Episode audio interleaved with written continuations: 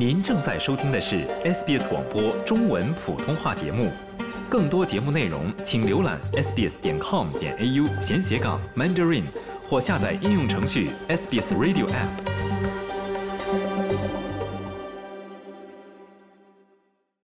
二零二四年二月四日是全球第二十五个世界癌症日。二月一日，世界卫生组织下属的国际癌症研究机构发布了有关全球癌症负担的最新调查研究，并预测到二零五零年，全球每年新增癌症病例数将比二零二二年上升百分之七十七。澳大利亚卫生与福利研究所在二零二三年八月公布的最新数据预测称。二零二三年，澳大利亚每十例死亡就有三例源自癌症。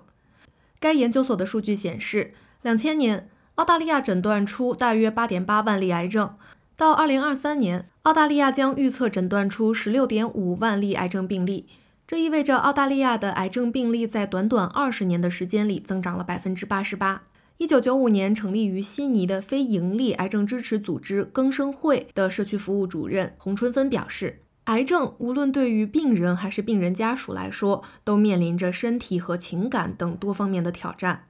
而华人群体也面临着语言不通等问题。洪春芬表示，协会建立之初的目的是为了协助刚刚来到澳洲的华裔群体更好地了解自己所患的病症，并用他们更为熟悉的中文为患者及其家人提供帮助和陪伴。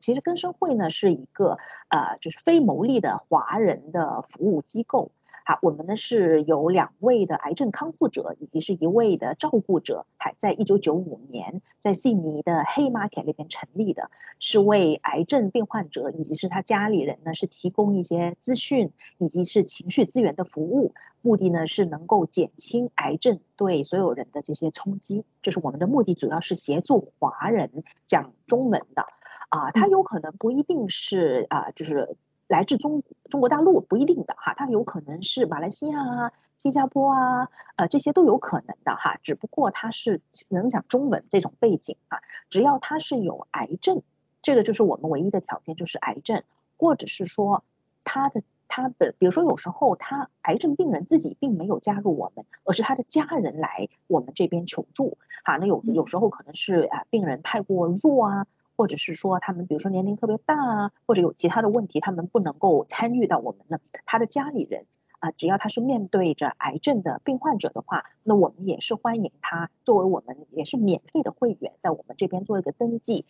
为了更好的给协会的成员提供支持，洪主任介绍，协会会定期为病人提供专业的讲座咨询、医院探访等专业的辅助治疗服务。我们主要呢是有几样的服务是我们提供给我们的啊会员以及是我们的呃这些家家就是会员吧家包括是病人或者是家里人哈。我们呢有一些在医院里面做一些的叫做面对癌症的资讯讲座哈，这个呢是我们经常去做的。我们在各区跟不同的医院合作哈，大概啊比如说二零二四年来说，我们差不多每两个月就会在医院举办一次啊这个面对癌症的课程啊，一般来说呢是。三到四次，我们是会邀请到医院里面的一些的啊医护人员哈，包括医生啊、专家啊，以及是呃其他的辅助疗呃医疗团队，比如说护士啊、社工啊、营养师啊等等，来讲一些呢对于癌症病人有兴趣想知道的题目。尤其是这个课课程呢，我们是针对一些比较新的病人，就比如说大概是两年左右的这些新病人哈，可能还在当。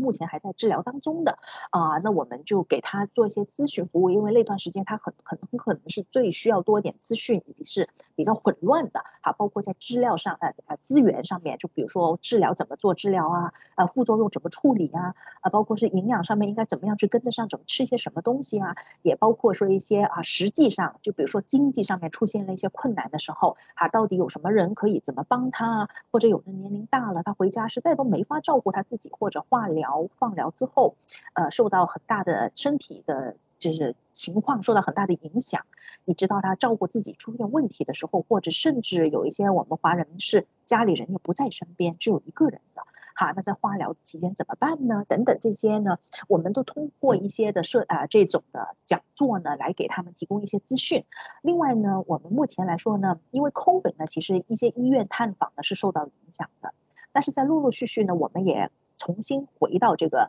医院探访的呃。队伍里面去了啊。所以目前来说呢，我们是有两个医院呢是定时的，呃，每周都有医院探访的服务。对于癌症病人和家人来说，除了这些咨询和探访外，能有一个和一群与自己经历相似的人一起说说心里话的小组也非常重要。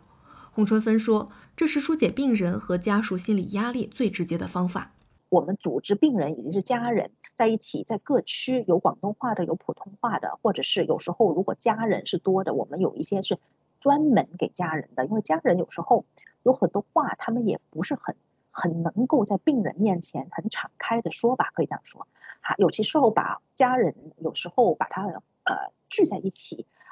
大家也是吐吐槽啊，可以这样说啊，抒发一下这种内心的这种的，呃，压力啊，以及是有时候可能是愤怒啊，或者有各种的情绪的。其实家里人也是很需要关心啊，或者有时候就合在一起，他们会讲讲啊，煮一些什么汤好啊，做点什么菜好啊，因为这些也是很困扰他们的一些情况。好，那我们甚至有时候会有家人小组，好，或者是说呢，我们也会有一种是专门给啊。呃，比如说比较后期的癌症病人，因为他们的需求也不太一样，甚至是说家人刚刚过世的，哈，那这种呢就是哀伤的一种小组呢，我们也有，哈，那这种呢都是属于支持小组，我们也有一些是特别跟特别癌症有关系的，比如说是肺癌呀，比如说是乳腺癌呀，或者是前列腺癌呀，是跟某一种癌症有关系的支持小组，我们定时也举办。澳大利亚卫生与福利研究所的数据显示。癌症患者的年龄正在逐年提高。二零一九年，澳大利亚人平均患癌的年龄为六十七岁，但低于这个数字的癌症患者并不在少数。很多不惑之年的人会面对更多来自经济、情感、孩子养育方面的多重打击。这个时候，如果能找到合适的人聊一聊，可能会很大程度地帮助到患者。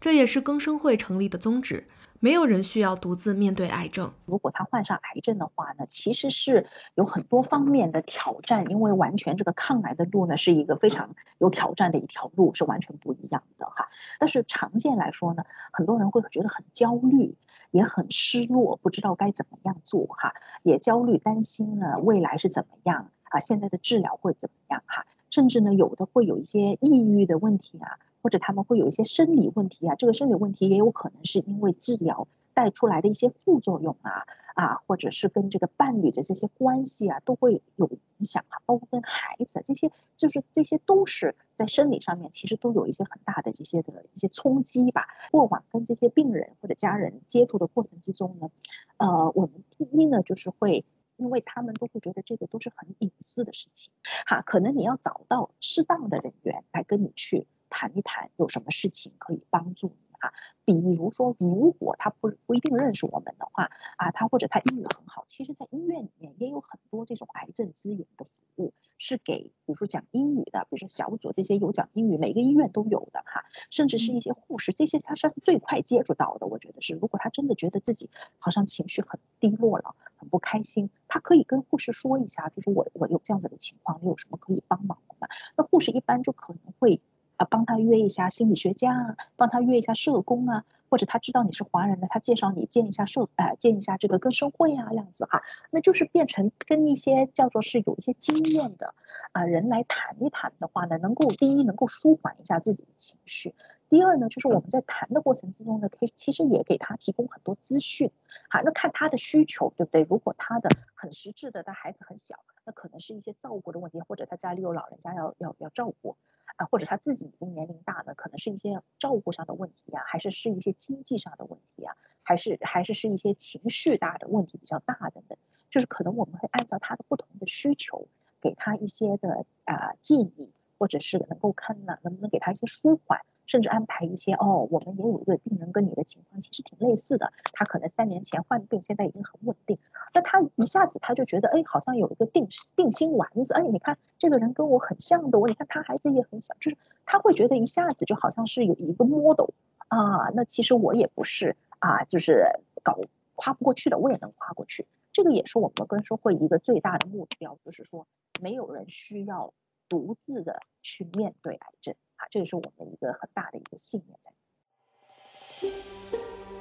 想听到更多这样的故事吗？您可以通过苹果播客、谷歌播客、Spotify 或者您喜爱的方式下载收听。